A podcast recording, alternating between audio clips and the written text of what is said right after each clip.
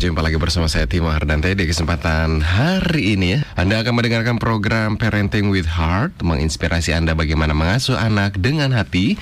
Yang pasti kita akan membahas seputar permasalahan keluarga dan khususnya nih dalam hal mengasuh atau mendidik anak. Mulai dari latar belakang kenapa hal itu bisa terjadi, kemudian juga penyebabnya apa, dampaknya terhadap keluarga atau anak seperti apa, serta pencegahannya bagaimana. Nanti kita akan bahas tuntas di program Parenting with Heart. Dan di Parenting with Heart nih dari tim Yayasan Busur Emas, sebuah yayasan yang bergerak di bidang training, coaching, dan counseling. Jadi bagi Anda yang membutuhkan tiga hal tersebut bisa langsung menghubungi Yayasan Busur Emas ya. Di setiap Sabtu kita selalu mengangkat topik yang berbeda nih Heartlander.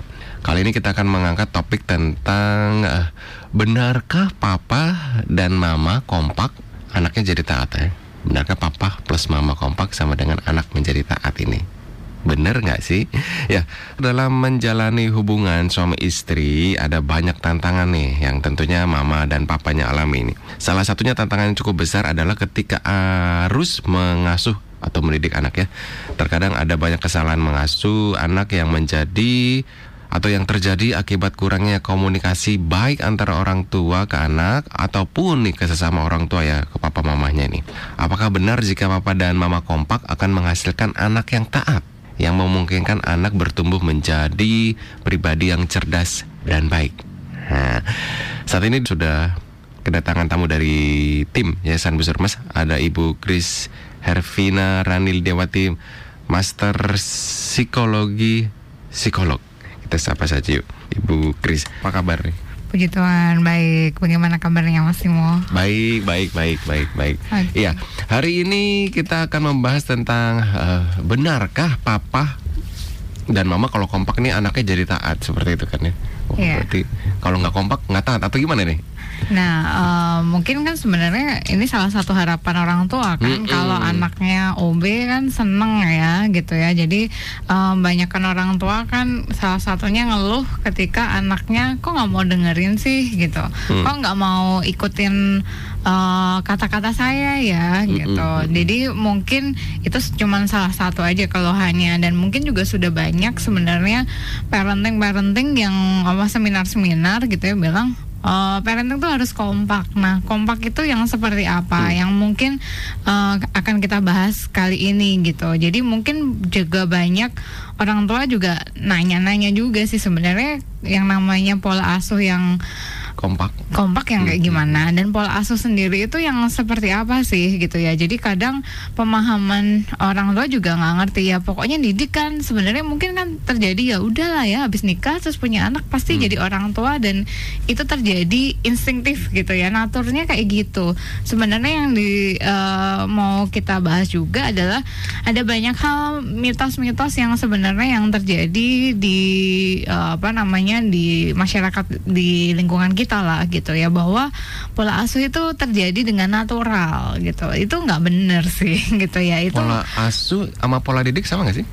Pola asuh ya bahasanya yang berbeda. Oh. aja parenting itu pola asuh gitu ya kalau di Indonesianya. Ya jadi eh, mem- mengasuh kan yang namanya pola asuh itu kan merawat mengasuh dan memperlakukan anak dan itu akan terjadi patternnya polanya. Oh kalau papa ini kayak gini mama kayak gini atau kedua-duanya seperti apa? Nah kebanyakan sebenarnya kasusnya adalah papa seperti apa, mama seperti apa, punya caranya karena kan mungkin juga background family-nya beda-beda. Hmm. Jadi yang keluarganya dulu dididik kayak gini nih gitu. Eh, dididiknya zaman kolonial gitu ya. Satunya Keras. udah. keras gitu ya. Yang satunya udah soft gitu. Jadi mungkin itu juga akan eh, istilahnya bawaan terus nanti ya itu akan memperlakukan anak kan padahal yang dididik oleh orang tua belum tentu benar ya ke kita. Hmm, hmm, hmm. Nah, kalau itu terus-menerus diulangi lagi, ya kemungkinan akan terjadi kasus yang beragam juga Hmm. makanya. Jadi papa dengan latar belakang berbeda, ketemu mama dengan latar belakang berbeda, kemudian mendidik anaknya ya dengan cara yang campur aduk tadi gitu ya.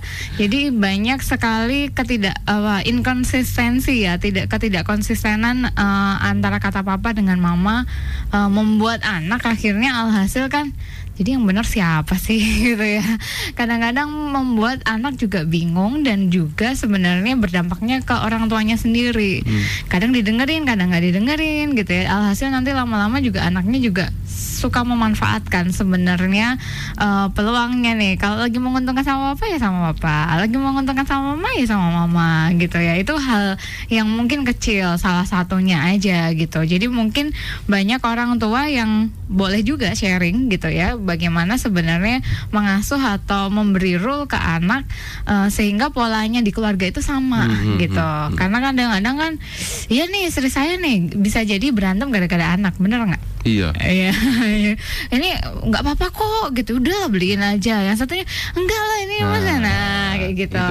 Latar belakang dari kedua orang tua masing-masing punya latar belakang yang berbeda cara pola asuhnya. Hmm. Nah itu untuk menyatukannya pasti Wah, nah, sulit itu ya. itu PR banget kan. Nah, berarti sebenarnya pola asuh itu untuk anak kita nanti adalah bukan sesuatu yang natural. Kita perlu oh, untuk bukan sesuatu yang natural. Bukan. Kita perlu Kita pikir setiap orang tuh ah, pasti akan mendidik anaknya dengan baik nih. Iya, gitu. baik itu relatif sekali ya. baik menurut, menurut papanya kita, baik, iya. menurut mamanya belum tentu hmm, baik. Kata mama ini dia udah baik kok nah, gitu ya. Papanya juga ini juga baik. Hmm. Yang saya yakin mungkin semua orang tuh pengen baik lah gitu mm -hmm. semuanya nggak mm -hmm. ada yang uh, pengen mencelakakan lah mm -hmm. cuman uh, kadang-kadang perilaku atau pola asuh kita justru yang akan mencelakakan nanti anaknya nih ada uh, dalam arti begini misalnya nih kan mama kalau ngelarang nggak pegang pisau itu bukan berarti jahat kan sebenarnya nanti takut mencelakakan ya nanti melukai mm -hmm. gitu itu kan ada maksud dibaliknya mm -hmm. sementara papa ya nggak apa-apa iya. biarin aja coba kan nanti biar tahu mm dengan nah, sendirinya. Biasanya papa seperti itu. Nah, bahwa antara ini kan perlu dikompromiin, misalnya hmm. gitu ya dengan belajar. Oke okay, boleh pisau, tapi pisau anak misalnya, kan nggak harus yang pisau di dapur yang gede yang dipegang mama kan, kayak gitu. Nah itu perlu dikomunikasikan. Boleh kok ambil risiko, boleh kok ini. Nah ada banyak uh, cara sebenarnya yang kita lakukan dengan cara salah satunya adalah ini adalah kerjasama tim, teamwork. Nih yang hmm. namanya papa mama harus kerjasama dengan baik untuk mendidik anak-anaknya gitu. Jadi tidak ada kata anak papa, anak mama. Ya, jadi anak orang tua. Kadang-kadang kalau misalkan rapotnya nilai bagus, wah ini anak papa ini. Iya. Misalkan anak bersama masalah nih, mama gimana sih? Ini? Anaknya mama nih. Gitu. Nah itu makanya kita perlu bahwa ini anak papa mama. Hmm, hmm, ya, hmm. Jadi harusnya papa mama kompak supaya tentunya kalau ada satu kata di dalam rumah ya pastinya akan membantu sebenarnya anak itu tahu mana yang benar mana yang enggak uh, itu adalah salah satu kuncinya jadi kalau ditanya apakah benar uh, kekompakan orang tua membuat anak menjadi taat ya iya karena semuanya sih yes yes no no gitu hmm. hmm. kalau misalnya salah satu bayangin aja kalau bilang satunya enggak satunya bilang iya jadi yang benar yang mana sih nah. gitu jadi itu terjadi kebingungan-kebingungan uh, pada si anak gitu kan nanti yang jadi pertanyaan bagaimana ini mengompakkan papa yeah. dan mamanya dengan memiliki latar belakang yang berbeda nih mungkin iya. kadang-kadang yeah. juga masih otot-ototan ini. Iya betul. Pengalamannya bagaimana? ya jadi uh, mungkin pagi hari ini saya hmm, untuk hmm. bagikan uh, sebagian saja gitu ya. Sebenarnya kan temanya untuk parenting buat kompak itu sungguh sangat kompleks sekali banyak gitu ya. Hmm. Nah, cuman salah satu pemahamannya adalah tahu bahwa sebuah keluarga ini terdiri papa mama dan anak. Ini sistem, sistem yang sistem masyarakat yang memang paling kecil kan hmm. gitu. Jadi kalau misalnya yang namanya disebut sistem, artinya harus ada regulasinya, nah, rule-nya yang jelas. Yang membuat rule-nya siapa ini? Nah, yang berhak sebenarnya siapa tuh? Bareng-bareng. Bareng-bareng didiskusikan. Uh, uh, didiskusikan. Nggak bisa kalau ya benar kepala keluarga itu ayah. Hmm. tetapi juga harus kompromi dengan uh, mamanya juga gitu. Karena kalau misalnya papa pembuatnya tapi kalau uh, bawahannya istilahnya yang berinteraksi dengan anaknya nanti uh, tidak melakukannya juga percuma kan? Papanya udah serik banget. Mamanya hmm. udahlah nggak apa-apa nggak ada papa ini gitu. Nah itu juga nggak bagus. Yang namanya sistem ya ini adalah uh, satu lembaga yang kecil yang sistem yang harus ada kesepakatan. Jadi kalau misalnya kesepakatan ini ditanyain kesepakatan dalam hal apa aja ya salah satunya untuk merawat mendidik ini bersama-sama. Tanggung hmm. jawabnya nggak cuma salah satu. Hmm. oh kalau bayar uang ya pokoknya uang itu papa misalnya. Hmm. Sementara didik yang ngurusin belajar itu mama, nggak bisa yang kayak gitu. Boleh kerjasama, tetapi tidak boleh benar-benar sama sekali lepas. Hmm. Jadi kalau eh, artinya misalnya kalau zaman dulu gitu ya pola asuh itu kebanyakan kan gitu ya papa kerja, mama Mama lah yang rumah. ngasuh gitu ya. Sekarang kan banyak juga papa Iya. mama sama-sama kerja. Lalu anak sama siapa gitu Bibi ya. yang ngasuh. gitu ya. Jadi ketika eh, banyak kasus ya karena memang orang tuanya akhirnya banyak yang lepas tangan juga gitu. Ya, jadi kalau tadi bil- dibilang benar, papa mama kerja, anaknya siapa yang ngasuh entah bibinya, entah neneknya, gitu ya. hmm, hmm. Jadi bukan anak papa mama, anak nenek, anak bibi, gitu ya. Jadi eh, ini adalah mungkin perlu dipahami diulang lagi, gitu ya, bahwa keluarga tuh punya eh, tanggung jawab, punya kesepakatan bahwa yang namanya merawat, mendidik itu adalah tanggung jawab dari orang tua bersama lah, gitu ya. Yang nam- bikin juga bersama harus tanggung jawabnya juga harus bersama-sama ya didik dan membesarkannya. Kemudian juga harus ada yang namanya kesepakatan eh, dalam hal eh, role iya atau enggaknya gitu ya nggak boleh yang namanya papa mama eh, punya eh, pilihan anak emas gitu ya. Atau misalnya dalam hal tertentu papa ini lebih memanjakan mama lebih memanjakan nggak boleh gitu ya. Parenting itu bener-bener ya deal eh, bareng-bareng gitu ya. Jadi iya iya enggak enggak. Jadi sehingga kesepakatan ini juga menghindarkan keberpihakan tadi. Ini anak emasnya papa ini anak emasnya mama nggak bisa gitu ya. Nanti kalau punya anak dua sih masih oke ya. Tiga gimana? Yang satunya anak siapa gitu ya. Jadi kadang-kadang eh, itu cukup mengganggu di dalam sistem. Kan kita juga nggak suka ya. Misalnya kalau pimpinan kita contoh misalnya kalau presiden punya keberpihakan satu daerah saja Hmm, kan nggak hmm, suka gitu ya. Hmm, itu pun juga harus diperlakukan di dalam sistem yang paling kecil dalam keluarga. Kemudian kalau di eh, kesepakatan yang lain adalah biasanya yang dilakukan ini agak rawan gitu ya pemberi disiplin gitu ya. Yang namanya keluarga itu em, kan ya namanya pelanggaran itu selalu ada di mana-mana Hmm, hmm. gitu ya termasuk di dalam rumah Hmm, gitu ya jadi eh, harus ada kesepakatan bagaimana cara memberi disiplin di dalam keluarga itu harus ada rule-nya juga Memberi disiplin, berarti memberi hukuman. Bukan. Oh, nah, beda. memberi disiplin sama memberi hukuman itu berbeda. Disiplin itu ketika dia memang melakukan kesalahan, maka harus ada konsekuensi Mm-mm. yang harus diterima untuk dia tahu mana yang benar untuk tahu ini untuk mendidik bukan hanya sekedar emosi. Jadi ini udah direncanakan yang namanya mendisiplin itu. Jadi nggak serta merta marah langsung pukul. Itu nggak terencana. Tetapi kalau yang namanya mendisiplin kita sudah diskusiin. Jadi jika A maka B maka itu sudah tahu aturannya. Jadi tidak yang serta merta emosi kemudian eh, melakukan sesuatu refleks gitu ya bahasanya. Enggak yang namanya disiplin untuk kebaikan anak jadi, sudah bukan ada perjanjian di awal. Iya, Hmm. itu sudah ada perjanjian di awal dan didiskusikan pastinya. Hmm. Jadi supaya ya namanya orang marah kan emosi kadang kan eh, lepas kendali. Ini salah satu kontrolnya. Jadi kalau memberi disiplin lagi marah eh, jangan langsung misalnya ya yang marah siapa, yang memberi disiplin yang lain gitu. Karena kalau lagi marah kan Hmm, orang kalap ya. Hmm. banyak kan kasus yang eh, saya terima dulu waktu jadi konselor di sekolah. Misalnya anaknya sampai lebam gitu ya. Karena papanya lagi bener-bener puncak emosinya gitu. Hmm. Eh, terus juga sebenarnya kalau dipanggil ke sekolah juga mungkin menyesal juga Hmm. orang tuanya.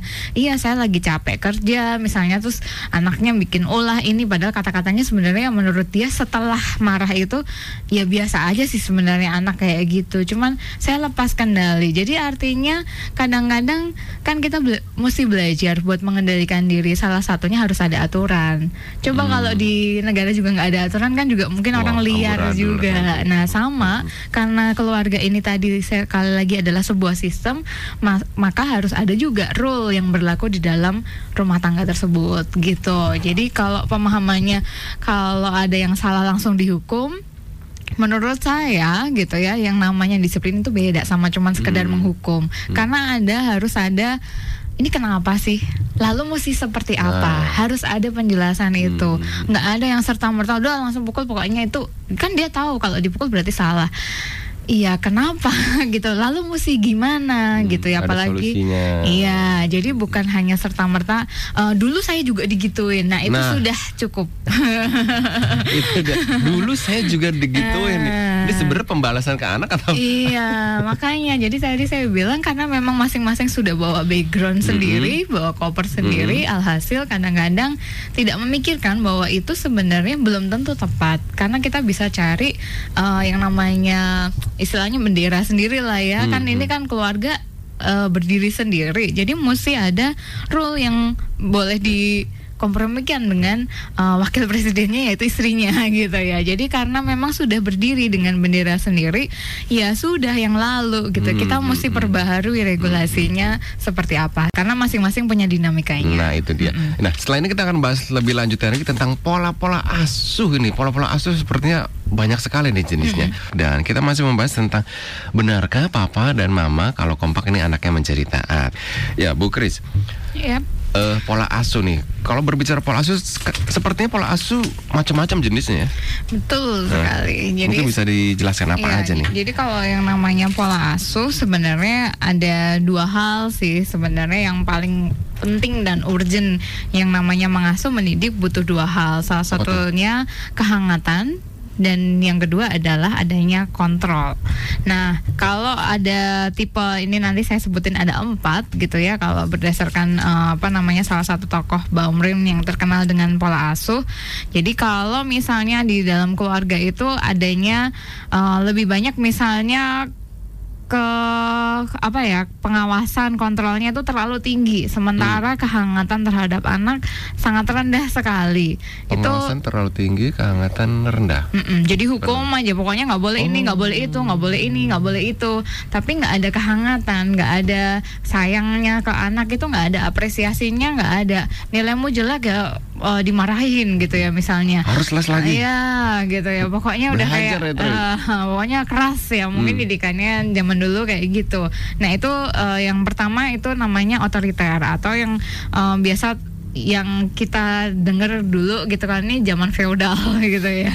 ya jadi orang tua benar-benar cukup keras dalam mendidik anak dan nuntut anak itu pokoknya patuh. Jadi biasanya anak-anaknya cukup takut juga buat ngomong gitu ya sama orang tuanya. Kadang-kadang nggak dibuka juga ruang diskusi. Pokoknya kamu harus nurut. Iya, eh, ini peraturannya papa dan begini begini begini. Udah gitu. Nggak ada eh, ruang buat anaknya ngomong itu udah nggak ada lagi gitu ya jadi nggak ada ruang buat diskusi gitu ya Hmm. bahkan cukup takut mungkin anak untuk ngomong sama eh, papanya Hmm. gitu atau mamanya gitu kalau sistemnya udah diblokir gitu ya pokoknya begini ya udah gitu jadi orang tua tugasnya hanya menuntut dan menuntut cukup tinggi demandingnya gitu jadi tuntutannya pokoknya kamu belajar udah kayak gitu aja Iya, tapi nggak ada apresiasi. Hmm. iya Hmm. jadi kehangatannya cukup kurang dari sehingga anak juga cukup akhirnya apa cukup rigid ataupun kaku gitu ya jadi kurang bisa mengembangkan juga keterampilan sosialnya jadi cuman iya enggak gitu ya taunya cuman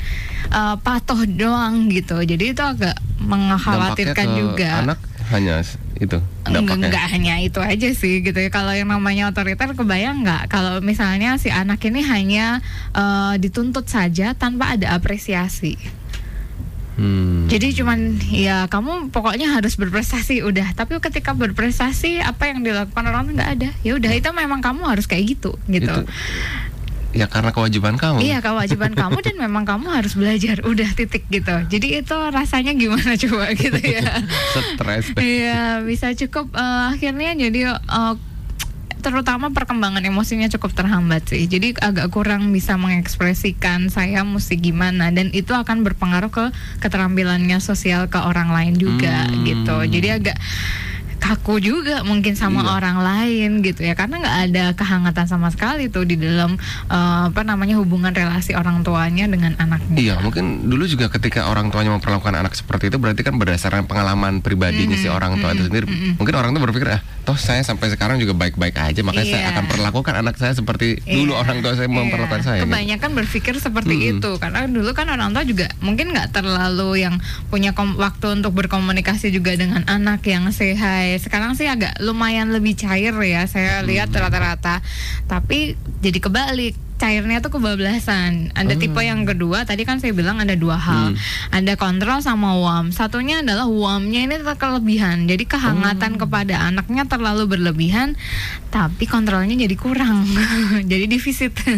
jadi kalau itu eh, namanya permisif gitu ya. Jadi terlalu memanjakan anak, terlalu yang sayangnya kebablasan. Mungkin karena kompensasi karena papa mamanya kerja dari Senin sampai Sabtu, akhirnya ya semua muanya boleh gitu ya tanpa pe- apa namanya rule yang jelas nggak boleh nih ada batasannya juga. Nah ini kadang-kadang terjadi juga sama eh, entah salah satu lah papa atau mama gitu ya karena mungkin kesibukannya. "Ya udah sih nggak apa-apa Nah. gitu ya. Dia minta apa juga dikasih aja tanpa ada batasan. Nah itu juga nggak baik juga kan gitu ya. Jadi semua yang kelebihan entah kontrolnya yang kelebihan, kehangatannya kelebihan itu juga nggak baik gitu. Itu eh, permisif gitu ya. Jadi semua muanya eh, dikasih gitu ya. Tidak ada supervisi nggak ada bimbingan mesti gimana termasuk kalau minta uang misalnya sekarang kan banyak kasus-kasus anak kok bisa sih pakai eh, drugs gitu ya anak SMA gitu ya dapat dari mana duitnya? Oh ternyata ketika minta sama orang tuanya nggak ditanyain tuh buat apa. Ya udah dikasih aja gitu. Emang dikasih uang jajannya berapa? 500 ribu satu hari. Wow gitu ya. Itu nggak cuma satu orang eh, dua dua anak sorry gitu ya. Tapi eh, di Jabodetabek ini cukup banyak yang orang tua ya pokoknya "Oh, minta ini mau ada kegiatan ini tanpa konfirmasi ke sekolah misalnya. Ya pokoknya semuanya dikasih aja gitu. Jadi itu bisa terjadi juga gitu. Jadi yang satunya tadi kelebihan kan kontrolnya tapi nggak ada warmnya. Satunya warmnya ketinggian kontrolnya rendah itu juga nggak bagus. Tapi ada juga keluarga yang eh, neglectful justru? Eh, nggak ada dua-duanya. Nggak ada kontrol nggak ada kehangatan. Jadi anak siapa? Nggak ada nggak ada yang nanyain nggak ada yang merhatiin ya, kan gitu kan? ya lo hidup aja lah. Pokoknya kalau kelihatan ya udah gitu ya udah masih pulang. Ya udah Iya, masih kelihatan ya udah. Gitu. Jadi tidak ada sama sekali kedekatan gitu ya antara orang tua dengan anak. Kalau zaman dulu tuh eh, kalau berdasarkan riset gitu ya, ini banyak sebenarnya untuk eh, eh, kalangan menengah ke bawah, lebih banyak ke bawahnya. Kenapa? Karena orang tuanya mungkin sibuk dengan eh, perekonomian, kerja kerja kerja terus gitu ya, sehingga anaknya ya sudahlah besar sendiri banyak anak jalanan. Tapi fenomenanya yang terjadi sekarang ternyata nggak hanya di menengah ke bawah gitu ya, mungkin menengah ke atas juga terjadi. Jadi orang tua nggak terlibat, nggak ada pengawasan, nggak ada kehangatan, dia cuman ya dia tahu itu udah kayak anak bibi atau anak neneknya karena dititipkan orang tuanya bekerja. Itu fenomena yang cukup banyak terjadi juga gitu. Jadi kalau dulu kan penjelasannya gampang ya gitu ya orang-orang di pinggiran jalan itu kan anaknya emang dibiarin ya udah besar sendiri, ya makan sendiri dan seterusnya. Jadi Mandiri dong. Mandiri banget gitu ya. Jadi orang tua benar-benar mengabaikan baik secara fisik maupun emosional. Kadang-kadang kan nggak dikasih makan juga ya. Mereka juga jadi akhirnya ikut eh, anak-anak jalanan kan kebayang ya mereka ya minta-minta dan seterusnya. Nah itu ada juga yang orang tua kayak gitu tega membiarkan anak besar tanpa ada pengawasan ataupun kehangatan. Jadi istilahnya tanda kutip dibuang tapi di depan mata. Ya, jadi ya miris sih gitu ya itu terjadi dan memang ada yang pola asuh yang benar-benar mengabaikan ada orang tua yang nggak pengen punya anak juga kan gitu jadi ada eh, orang tua ya udah biarin aja. Pokoknya eh, besar sendiri eh, entah gimana mungkin dia mikirnya bisa hidup sendiri gitu ya. Tapi itu terjadi sih atau gitu. kalau misalkan eh, mengabaikan ya bukan pola asuh kali ya Apa? kalau mengabaikan mungkin bukan dikatakan mengasuh kali ya Iya, cara mengasuhnya dia kayak gitu, gitu dengan cara mengabaikan itu, gitu ya. No warm, no control, gitu ya. Orang tuanya benar-benar, ya itu polanya dia untuk mengasuh. Ya udah biarin sendiri, gitu, tanpa ada pengawasan yang jelas, gitu. Tapi itu memang polanya dia kan, gitu. Hmm, bukan karena eh, benturan ekonomi atau apa? Karena atau mungkin karena ketidakmengertian orang tua kah atau? Ya macam-macam. Hmm, gitu bisa macam-macam. latar belakang pendidikannya dia juga kondisi ekonominya juga mungkin mempengaruhi ataupun dia juga tidak merasakan Ya tadi misalnya perlakuan dulu orang tua saya juga mengabaikan ataupun eh, ini juga saya bisa sendiri kok survive sendiri kayak gitu. Nah itu yang biasanya terjadi. Makanya kadang-kadang mungkin perlu eh, nggak boleh yang namanya mengabaikan eh, anak secara emosional. Bukan hanya fisik soalnya kebutuhan anak. Nah yang paling ideal tentunya pastinya ada dua-duanya gitu ya. Ada kontrolnya ada kehangatannya di dalam eh, rumah tangga itu gitu ya. Namanya Jadi ini lebih eh, banyak sebenarnya orang tua yang mau ngajak diskusi. Eh, kita bikin rule bareng-bareng. Nah ini yang dibilang tadi kita mau bentuk yuk papa mama kompak gitu ya. Dan juga kompak juga dengan anak. Mesti tahu anaknya. Rule-nya jangan papa mama doang gitu ya. Disosialisasiin juga ke anaknya gitu ya. Jadi supaya eh, apa namanya lebih clear gitu ya. Papa bilang enggak mama juga enggak. Eh, pak papa say yes mama juga yes gitu ya. Jadi eh, anak cukup eh, tahu saya ini oh ini boleh ini nggak boleh. Jadi itu lebih clear gitu. Jadi ya ada kehangatan tentunya rasa sayang itu kepada anak tapi juga ada bimbingan ada arahan juga ke anak. Ini yang tentunya paling ideal paling baik gitu. Hmm. jangan cuma ngarahin doang tuntut tapi nggak pernah apresiasi peluk sayang anaknya. Dulu waktu kecil sih mungkin masih digendong-gendong. Udah gede ya udah sih gitu ya. Kan enggak ya gitu ya. Tapi ada juga yang terlalu berlebihan terlalu hangat juga nggak bagus juga. Jadi mesti balance. Iya ada kontrolnya bimbingannya arahannya tuntutannya tapi juga tetap ada kehangatan kepada si anak Ya, gitu sih Sebaiknya untuk orang tua ketika mulai mulai mengompakkan diri sesama orang tua ini Hmm. untuk mulai mengasuh atau mendidik anak, mulai us- anak usia berapa nih? sedini mungkin sejak Sedini lahir mungkin sejak lahir. Iya, karena Oh. kalau nggak konsisten kan sebenarnya pembentukan kepribadian seseorang juga dari awal loh gitu. Jadi kayak misalnya bayi aja sebenarnya sudah belajar loh. Kalau misalnya usia eh, 0 sampai satu tahun tuh kan udah mulai coba-coba. Yang satunya bilang jangan, yang satunya ya udah terserah ya gitu kan itu sudah belajar dia tahu loh memanfaatkan terus pura-pura nangis gitu ya. Eh, itu sudah dipelajarin juga sama si anak dari kecil. hmm, Bahkan kalau ada baiknya ketika mengajarkan untuk disiplin, untuk kepatuhan itu justru di usia 0 sampai 6 tahun Hmm. baiknya gitu. Karena dia sudah tahu oh ini baik, ini nggak boleh gitu.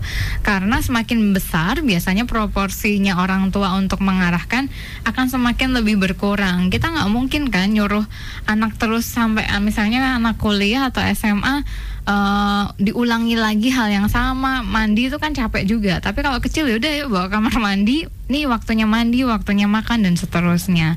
Jadi ada eh, banyak hal yang bisa sebenarnya kita investasikan sebagai orang tua. Ya anaknya mau jadi apa ya tergantung waktu ataupun tenaga kita buat investasi ini dari kecil sebenarnya gitu ya. Kita mau dia jadi kayak gimana sih? Mau yang taat kan ya? Jadi mungkin kita perlu konsisten supaya anak juga tidak mengalami eh, kebingungan. Sebenarnya ada eh, mau sebutin gitu ya entar nggak tahu nih sesinya sekarang atau nanti gitu ya. Kalau misalnya pola asuhnya nggak konsisten gitu ya jadi kalau tadi dibilang kan itu baru polanya kira-kira kayak gimana gambaran besarnya. Tapi kan kadang-kadang sekarang papanya apa, mamanya apa gitu ya. Papanya yang otoriter, mamanya yang permisif atau dibalik, papanya yang permisif, mamanya yang otoriter, mamanya udah cerewet-cerewet, papanya udah nggak apa-apa bolehin gitu. Itu kesel banget gitu ya misalnya. Atau sebaliknya, papanya udah galak banget, mamanya yang di rumah udah nggak apa-apa, nggak ada apa-apa. Nah itu nggak bagus juga kalau nggak konsisten. Nanti gitu. bagaimana tuh cara-cara agar orang tua bisa kompak nanti tuh ya? Iya. Tapi nanti nanti dijelaskan ya. Dan bagi hardliner yang ingin bertanya atau berinteraktif bisa langsung eh, ke 0855 sudah ada yang masuk nih di Selamat pagi Bung Timo saya setuju banget nih dari Bu dengan Bu Kris saya Alfi harus kompak katanya. Ya, harus kompak. Iya. Itu aja sih. Oke, ya memang harus kompak sih. Semoga orang tua yang di rumah yang dengerin juga eh, kompak. Ini resolusinya Oh Bapak kalau belum Alfi, kompak. Bapak Alfi. Iya.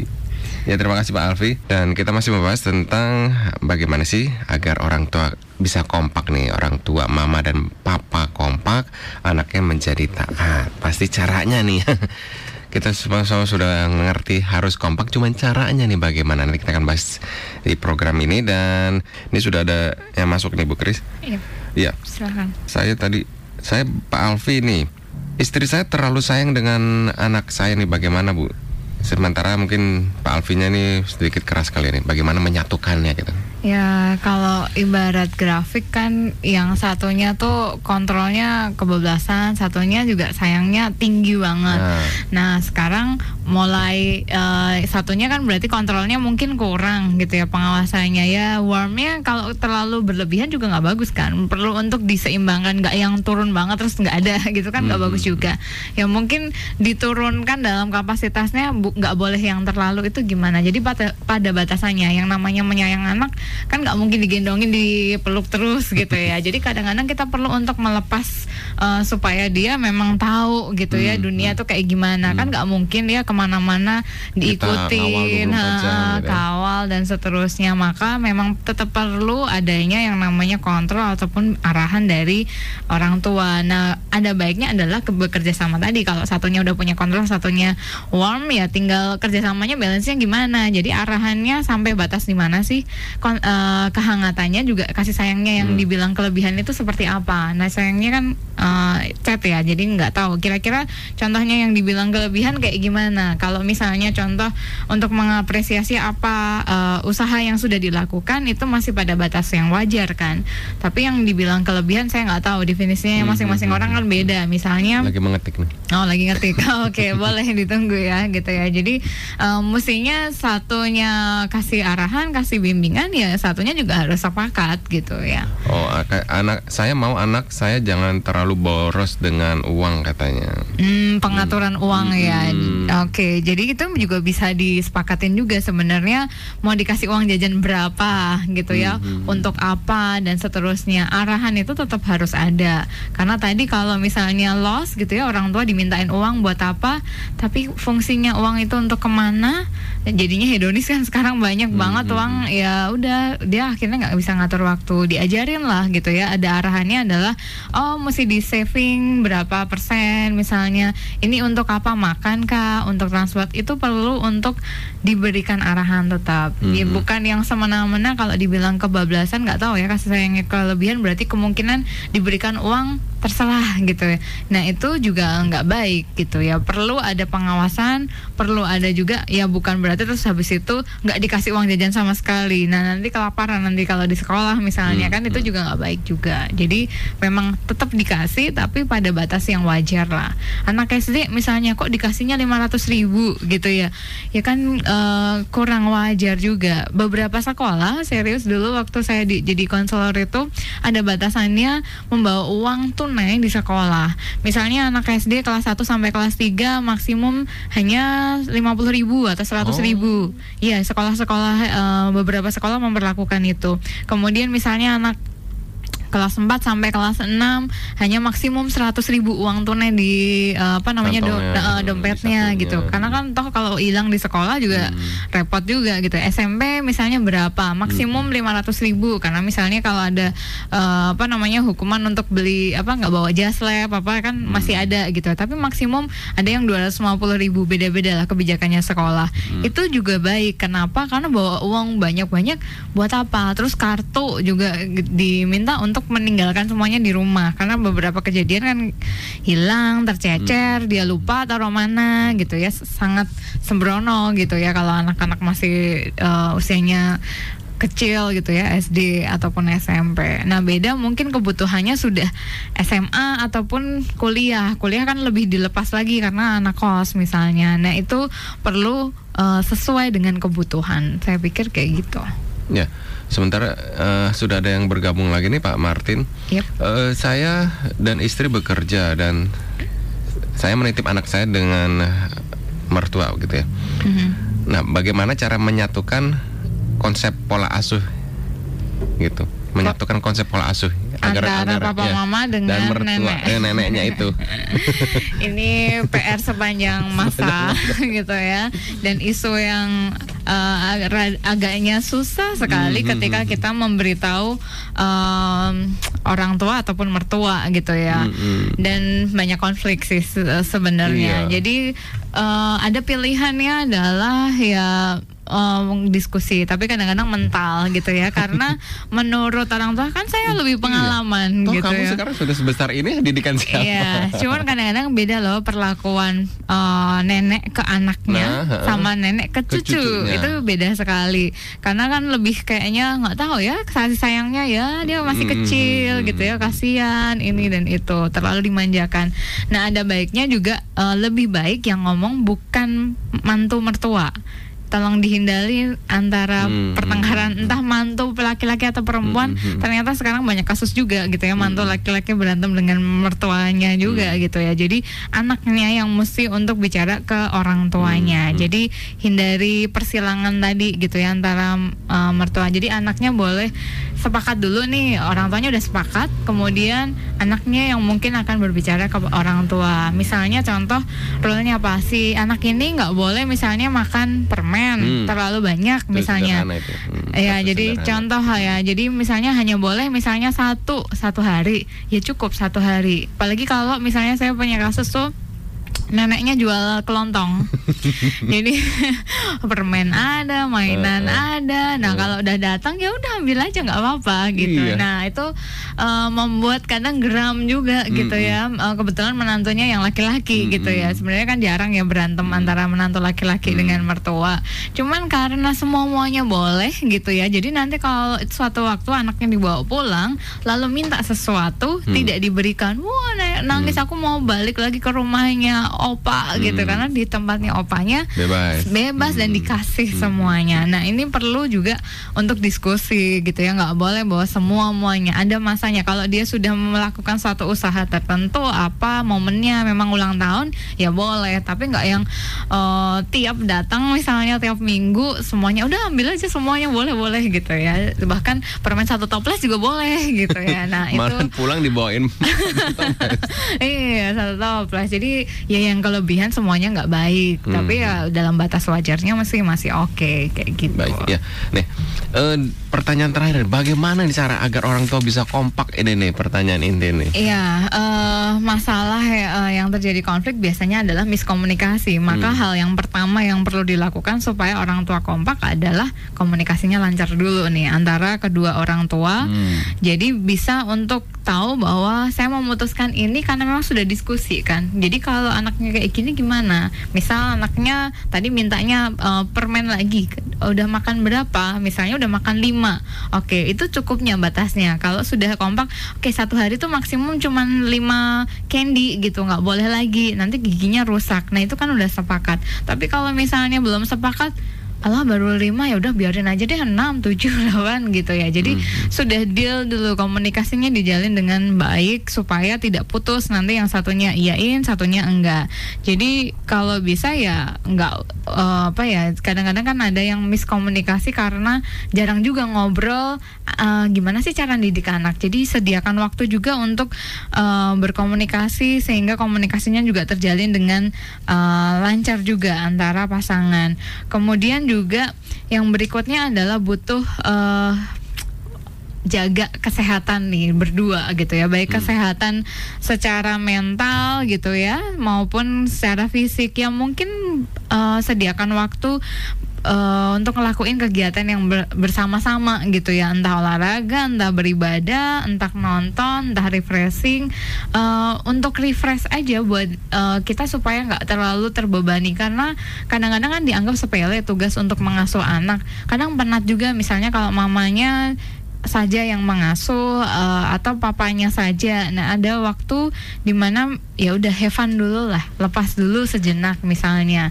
Ya itu boleh juga untuk menjaga kesehatan fisik mental rohani. Kalau misalnya kita kondisi fisiknya atau kondisi mentalnya lagi nggak kalut lagi marah juga kita akan susah kan mau eh, didik anaknya anaknya bikin ulah pula gitu ya misalnya. Yaitu akan susah sekali. Jadi keputusan yang tepat pun untuk mengasuh anak pun dibutuhkan pikiran yang jernih juga gitu. Jadi Hmm. maka perlu dijaga tuh kesehatan eh, apa namanya hubungannya dan menjaga pasangan tetap sehat gitu ya. Nah eh, perlu juga belajar buat eh, fleksibel karena kasus anak kan sekarang cukup bervariasi juga. Jadi kadang-kadang dulu nggak gitu kok. Nah, yang kata-kata yang seperti itu perlu untuk belajar. Berarti kita perlu perlu juga untuk belajar hal-hal baru. Dulu nggak ada gadget, nggak ada handphone juga. Oke kok gitu ya, tapi zaman sekarang juga nggak bisa dilawan gitu ya. Jadi ada banyak hal yang mungkin kita perlu beradaptasi uh, dengan hal-hal ataupun konflik yang baru gitu ya untuk mendidik anak. Jadi supaya kita belajar fleksibel, belajar beradaptasi, ya itulah tugasnya manusia kok untuk survive gitu. Dan terus menerus yang terakhir adalah yang namanya pola asuh itu nggak terjadi sen dengan sendirinya. Jadi perlu tetap belajar bagaimana mengasuh. Nurturean itu unconditional love. Jadi nggak nuntut lagi gitu ya, benar-benar ya mengasihi anak, bagaimana mengajar, bagaimana juga membimbing. Tadi yang dua hal tadi semoga bisa diingat juga ada kehangatan tapi juga tetap ada harus ada kontrolnya, ada supervisinya, ada guidance-nya.